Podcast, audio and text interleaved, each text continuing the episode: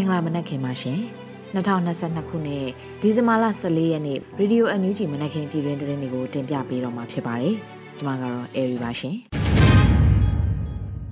ပထမဆုံးအနေနဲ့အမျိုးသားညီညွတ်ရေးအစိုးရအနေနဲ့စစ်ကောင်စီရဲ့စစ်ရေးအရှိုက်ကိုထိုးနှက်နိုင်မှုနိုင်ငံရေးအရလုံနိုင်သမျှကိစ္စရဲ့အားလုံးကိုလုံးကြရလိမ့်မယ်လို့ယာယီသမ္မတပြောကြားလိုက်တဲ့သတင်းကိုတင်ပြပေးပါမယ်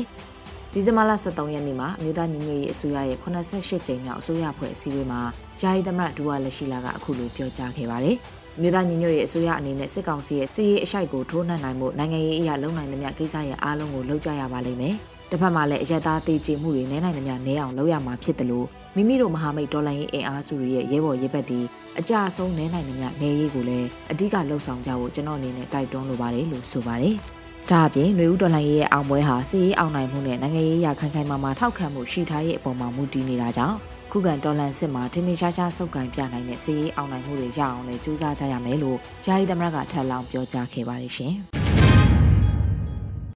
များမကြမီနိုင်ငံတကာအကူအညီတွေရောက်လာတော့မယ်လို့ပြည်ထောင်စုဝန်ကြီးချုပ်အသိပေးပြောကြားလိုက်တဲ့သတင်းကိုလည်းဆက်လက်တင်ပြပေးပါမယ်။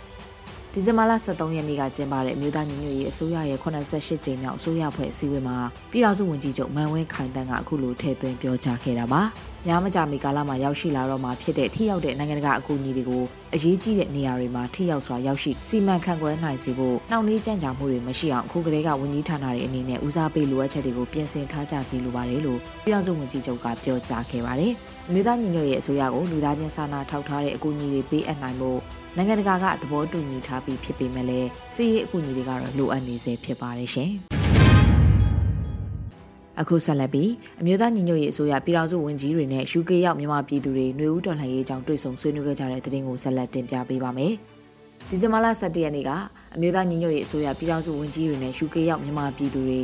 ဇွန်မီတင်ကနေတဆင့်ຫນွေဦးတော်လှန်ရေးအကြောင်းကိုတွေ့ဆုံဆွေးနွေးခဲ့ကြတယ်လို့သိရှိရပါတယ်။ဆွေးနွေးပွဲမှာပြည်ထောင်စုဝန်ကြီးဦးတင်ထွန်းနိုင်ကတော်လိုင်းရေးစတင်ချိန်ကနေအခုချိန်ထိလက်တွဲနေကြတဲ့တော်လိုင်းရေးရဲဘော်ရဲဘက်တွေကိုလက်ရှိအချိန်ထိဆောင်ရွက်ပြီးစီးမှုတွေလက်ရှိအခြေအနေအခက်အခဲတွေမျှဝေလိုကြောင်းပြောခဲ့ပြီးစီမံကိန်းဗဏ္ဍာရေးနဲ့ယင်းနှမြုံနယ်မှုဝန်ကြီးဌာနအနေနဲ့ငွေတိုက်စာချုပ်တွေရောင်းချတဲ့ကိစ္စတွေအာဏာရှင်စနစ်အဆုံးသတ်ရေးအိမ်ယာမြေကွက်တွေရောင်းချမှုတွေကနေတလုံးတစ်ခဲတဲ့ရငွေစုစုပေါင်း American Dollar တန်တရာရရှိထားပြီးဖြစ်တယ်လို့လည်း ရှင်းလင်းပြောကြားခဲ့ပါတယ်။နိုင်ငံခြားရေးဝန်ကြီးဌာနပြည်ထောင်စုဝန်ကြီးဒေါ်စင်မအောင်ကလည်းအာဆီယံနိုင်ငံတွေအိန္ဒိယနိုင်ငံတွေနဲ့အနောက်နိုင်ငံတွေကြားအမျိုးသားညီညွတ်ရေးအစိုးရရဲ့လက်ရှိဆက်ဆံရေးပူးပေါင်းဆောင်ရွက်ရေးနဲ့တန်တမတ်ရေးရာကိစ္စရပ်တွေကိုရှင်းလင်းဆွေးနွေးခဲ့ပါတယ်။ကာကွယ်ရေးဝန်ကြီးဌာနပြည်ထောင်စုဝန်ကြီးဦးရင်မွန်ကတော့ပြည်သူ့ခုခံစစ်ရဲ့လက်ရှိအခြေအနေတော်လန်စစ်အတွက်ပြင်ဆင်နေမှုတွေမဟာမိတ် EAOs တွေနဲ့ပူးပေါင်းဆောင်ရွက်နေမှုတွေကိုပြည့်ပြည့်စုံစုံရှင်းလင်းပြောကြားခဲ့တယ်လို့သတင်းရရှိပါတယ်ရှင်။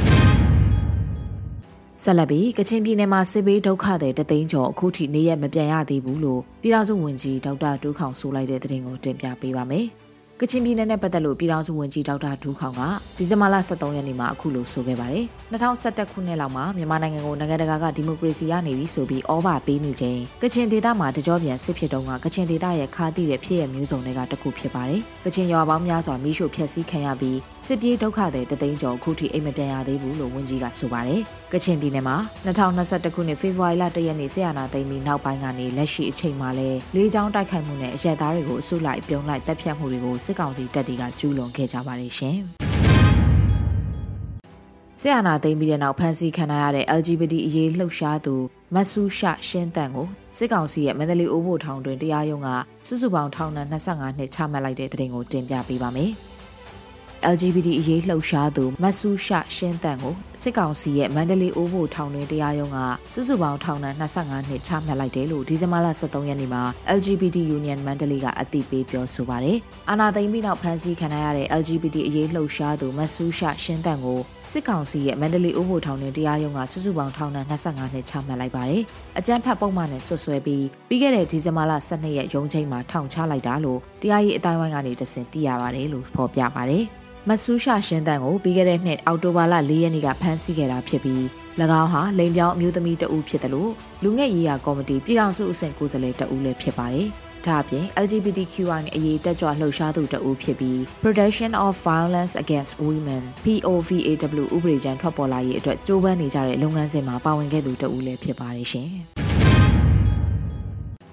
အခုဆက်လက်ပြီးကရင်လူမျိုးလွတ်လပ်မှုကိုအမြန်ဆုံးရရှိစေဖို့တခြားသောတိုင်းသားလူမျိုးစုတွေနဲ့အတူတကွလက်တွဲပြီးရန်သူတွေကိုတိုက်ထုတ်ရမယ်လို့ဗိုလ်ချုပ်စောနယ်သားများကပြောကြားလိုက်တဲ့သတင်းကိုတင်ပြပေးပါမယ်။ KNL စစ်ဦးစီးချုပ်စောနယ်သားများကကရင်နှစ်သက်ကူ2962နှစ်ပြည့်မိကုံးမှာအခုလိုထည့်သွင်းပြောကြားခဲ့ပါတယ်။ ကျွန်ုပ်တို့ကရင်လူမျိုးလွတ်လပ်မှုကိုအမြန်ဆုံးရရှိစေရန်ခြားသောတိုင်းရင်းသားလူမျိုးစုများနဲ့အတူတကွလက်တွဲကရီမန်းချက်ပန်းတိုင်းဦးတည်ချက်တူညီသူများနဲ့ပေါင်းစည်းပြီးရန်သူများကိုတိုက်ထုတ်ရမယ်။လွတ်လပ်မှုဆိုဒီမှာအလွယ်တကူမရရှိနိုင်ပါ။သွေးချွေးပေါင်းများစွာသာမကမိမိ၏အသက်ပါပေးရပါတယ်။ကျွန်ုပ်တို့၏ကရင်ခေါင်းဆောင်ဗိုလ်ချုပ်ကြီးစောဖို့မြပြောကြားခဲ့တဲ့စကားတစ်ခွန်းကတော့လွတ်လပ်ခြင်းဟာတိုက်ရဲသောသူများအတွက်သာဟူ၍ဖြစ်တယ်လို့ဆိုပါတယ်။ဒါ့အပြင်လာမယ့်ကရင်နှစ်သက်ကူဟာကရင်လူမျိုးတွေအတွက် ပျော်ရွှင်ဝမ်းမြောက်ခြင်းနဲ့ပြည့်စုံတဲ့နှစ်သက်ကူအချိန်အခါဖြစ်ပြီးကရင်လူမျိုးတွေရဲ့လိုအပ်ချက်ဖြစ်တဲ့အောင်မြင်မှုတွေကိုရရှိနိုင်မယ့်နှစ်သက်တစ်ခုဖြစ်ပါစေကြောင်းစုမွန်ကောင်တောင်တိုက်တွန်းနှိုးဆော်လိုက်တယ်လို့လည်းဆိုထားပါတယ်ရှင်။အခုဆက်လက်ပြီးတပတ်အတွင်းမှာရန်ကုန်တော်လှန်ရေးအဖွဲ့အစည်းတချို့ကရဲဘော်တွေနဲ့အရက်သားလူငယ်တချို့အယောက်30နဲ့အထက်ဖမ်းဆီးခံရတဲ့တဲ့တင်ကိုတင်ပြပေးပါမယ်။ဒီဇင်ဘာလ23ရက်နေ့မှာရန်ကုန် drone ရဲ့အတိပေးဖော်ပြချက်အရ ရန်ကုန်တော်လှန်ရေးအဖွဲ့အစည်းတချို့ရဲဘော်တွေနဲ့အရက်သားလူငယ်တချို့ဒီတစ်ပတ်အတွင်းအများကြီးဖမ်းဆီးခံရတယ်။ပစ္စည်းတွေလည်းတော်တော်ဆုံးရှုံးသွားတယ်။လူငယ်30နဲ့အထက်ကိုစစ်ခွေးတွေရဲ့ဖမ်းဆီးခြင်းခံလိုက်ရတယ်လို့ဆိုပါတယ်။ဖမ်းဆီးရမှာရဲဘော်တအုပ်ကိုစာဖမ်းမိပြီးဖမ်းဆီးကြောင်းတရင်မတက်ပဲနောက်ဆက်တွဲအတွဲလိုက်ဖမ်းဆီးခံရတာလို့ဆိုပါတယ်။စစ်ကောင်စီတပ်တွေကနှီးမျိုးစုံသုံးဖမ်းဆီးရမှာအပြစ်မှာချိန်ပြီးထောင်ဖမ်းခြင်းလမ်းမှာစောင့်ကြည့်ပြီးဖမ်းဆီးခြင်းနဲ့နေအိမ်ထဲဝင်ရောက်ဖမ်းဆီးခြင်းတို့ကိုလှုပ်ဆောင်ခဲ့ကြတာလည်းဖြစ်ပါတယ်ရှင်။ ဗက်ဒီချီတက်ခွေးတက်ပြက်ကမ်ပိန်းကနေတစ်ကက်ပေါင်း1600ဝန်းကျင်နဲ့ငွေသားတန်မိုး3900ကျော်ရောင်းချထားရပြီးဖြစ်တယ်ဆိုတဲ့သတင်းကိုတင်ပြပေးပါမယ်။ဒီဇင်ဘာလ23ရက်နေ့ညပိုင်းမှာမမများနဲ့ပွဲကမဲ့လူမှုကွန်ရက်စာမျက်နှာကနေဗက်ဒီကိုဂုံပြူအားပေးဖို့၄ရက်ပဲလိုပါတော့တယ်။လက်ရှိသတင်းရတစ်ကက်ပေါင်း1600ဝန်းကျင်နဲ့ငွေတန်မိုးက3900ကျော်ရောင်းချထားပြီးတဲ့ဒူးပုံမူကြီးဗက်ဒီရဲ့လေဘက်က3000ချီတန်လာတယ်လားတန်မိုးကြီးလိုက်တာလို့ဖော်ပြထားပါတယ်။အဆိုပါခွေးလေးဗက်ဒီလေဘက်ကို ကန်ဆိုင်မဲ့လက်မှတ်ရောင်းချရာကရရှိလာတဲ့ရမုံငွေတွေကိုတော်လှန်ရေးအတွက်ပြန်လည်အသုံးပြုသွားမှာဖြစ်တယ်လို့လည်းသိရှိရပါတယ်ရှင်။ကောလင်းနဲ့ပေပင်ချောင်းမှာအကြမ်းဖက်စစ်တပ်ကရွာကိုမီးရှို့ပြီးဒေသခံတွေကိုပါတပ်ဖြတ်ထားခဲ့တဲ့တဲ့တင်ကိုတင်ပြပေးပါမယ်။စကိုင်းတိုင်းကောလင်းနယ်ပေပင်ချောင်းမှာအကြမ်းဖက်စစ်တပ်ကရွာကိုမီးရှို့ပြီးဒေသခံ9ဦးကိုတပ်ဖြတ်ထားခဲ့တယ်လို့ဒီဇင်ဘာလ23ရက်နေ့မှာနိုင်ငံရေးအကျဉ်းသားများကူညီစောင့်ရှောက်ရေးအသင်း AAPP ကအချက်လက်တွေကိုထုတ်ပြန်ဖော်ပြခဲ့ပါတယ်။ ဒီဇင်ဘာလ9ရက်နေ့ကနေ12ရက်နေ့အတွင်းစကိုင်းတိုင်းကောလင်းမြို့နယ်အတွင်းရှိကုတ်ကူကုန်းကျေးရွာပေပင်ချောင်းကျေးရွာညောင်ကုန်းကျေးရွာစီးဖြူကုန်းကျေးရွာနဲ့ရှော်ဖြူကုန်းကျေးရွာကနေအိမ်224လုံးကိုအကြမ်းဖက်စစ်အုပ်စုရဲ့ကမ်ဘလူမြို့နယ်ကိုတောင်ပေါ်မှာတပ်ဆွဲထားတဲ့အင်အား60ခန်းရှိခမရ363တပ်နဲ့ချက်သိန်းဒေသမှာတပ်ဆွဲထားတဲ့အင်အား80ခန်းရှိခမရ369တပ်တို့ကမီးရှို့ဖျက်ဆီးခဲ့ပါတယ်။ဒီဇင်ဘာလ17ရက်နေ့ညနေပိုင်းမှာပေပင်ချောင်းကျေးရွာကိုဝင်ရောက်မီးရှို့ခဲ့ပြီးပြည်သူ9ဦးကိုတပ်ဖြတ်ခဲ့တယ်လို့လည်းဖော်ပြထားပါတယ်။ တပ်ဖြတ်ခံရသူတွေဟာကိုသိန်းအောင်၊အဲမောင်၊နိုင်ဝင်းထွန်း၊ကံမင်းဆိုးနဲ့မြင်းဆိုးတို့ဖြစ်တယ်လို့သိရှိရပါတယ်ရှင်။ကင်းလှည့်လာတဲ့စစ်ကောင်စီတပ်တွေကိုမင်းတပ်9မိုင်9ဖာလုံးမှာ CDF မင်းတပ်ကအနီးကတိုက်ခိုက်ခဲ့ပြီးစစ်ကောင်စီဘက်ကတေဆုံးထဏ်ရာရရှိခဲ့တဲ့တဲ့ရင်ကိုတင်ပြပေးပါောင်းမယ်။ ဒီဇင်ဘာလ23ရက်နေ့မွန်းလွဲပိုင်းမှာအင်အား20ခန်းနဲ့ကင်းလှည့်လာတဲ့စစ်ကောင်စီတပ်တွေကိုမင်းတပ်9မိုင်9ဖာလုံးမှာ CDF မင်းတပ်ကအနီးကတိုက်ခိုက်ခဲ့ပြီးစစ်ကောင်စီဘက်က3ဦးသေ2ဦးဒဏ်ရာအပြင်းထန်ရရှိခဲ့တယ်လို့ CDF မင်းတပ်ကအတည်ပြုပြောဆိုပါတယ်စစ်ကောင်စီဘက်ကနေကျေးရွာဘက်ကိုလက်နက်ကြီးတွေနဲ့ပစ်ခတ်ခဲ့ရမှာ CDF မင်းတပ်ရဲဘော်တွေအောင်မြင်စွာစုခွာနိုင်ခဲ့တယ်လို့လည်းသိရှိရပါတယ်ရှင်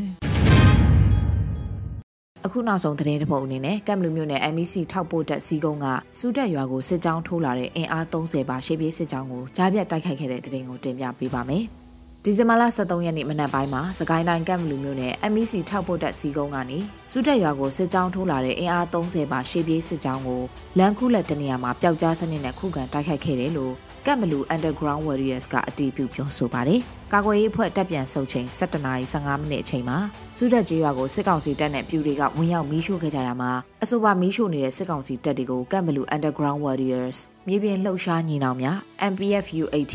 ကတ်မလူတောင်ကျန်းလိုကဲအဖွဲ့တွေပူးပေါင်းပြီး 60mm12 နဲ့ဝင်ရောက်ပစ်ခတ်တိုက်ခိုက်ခဲ့ကြတယ်လို့သတင်းရရှိပါတယ်။အဆိုပါပစ်ခတ်တိုက်ခိုက်မှုကြောင့်ထိခိုက်ဒေဆုံးစည်းရင်းကိုမြေပြင်စုံစမ်းပြီးတင်ပြပေးသွားပါမယ်လို့လည်းဆိုထားပါတယ်ရှင်။အခုတင်ပြပေးရတဲ့သတင်းတွေကိုတော့ Radio NUG သတင်းတောင်မင်းမင်းကပေးပို့ထားတာဖြစ်ပါတယ်ရှင်။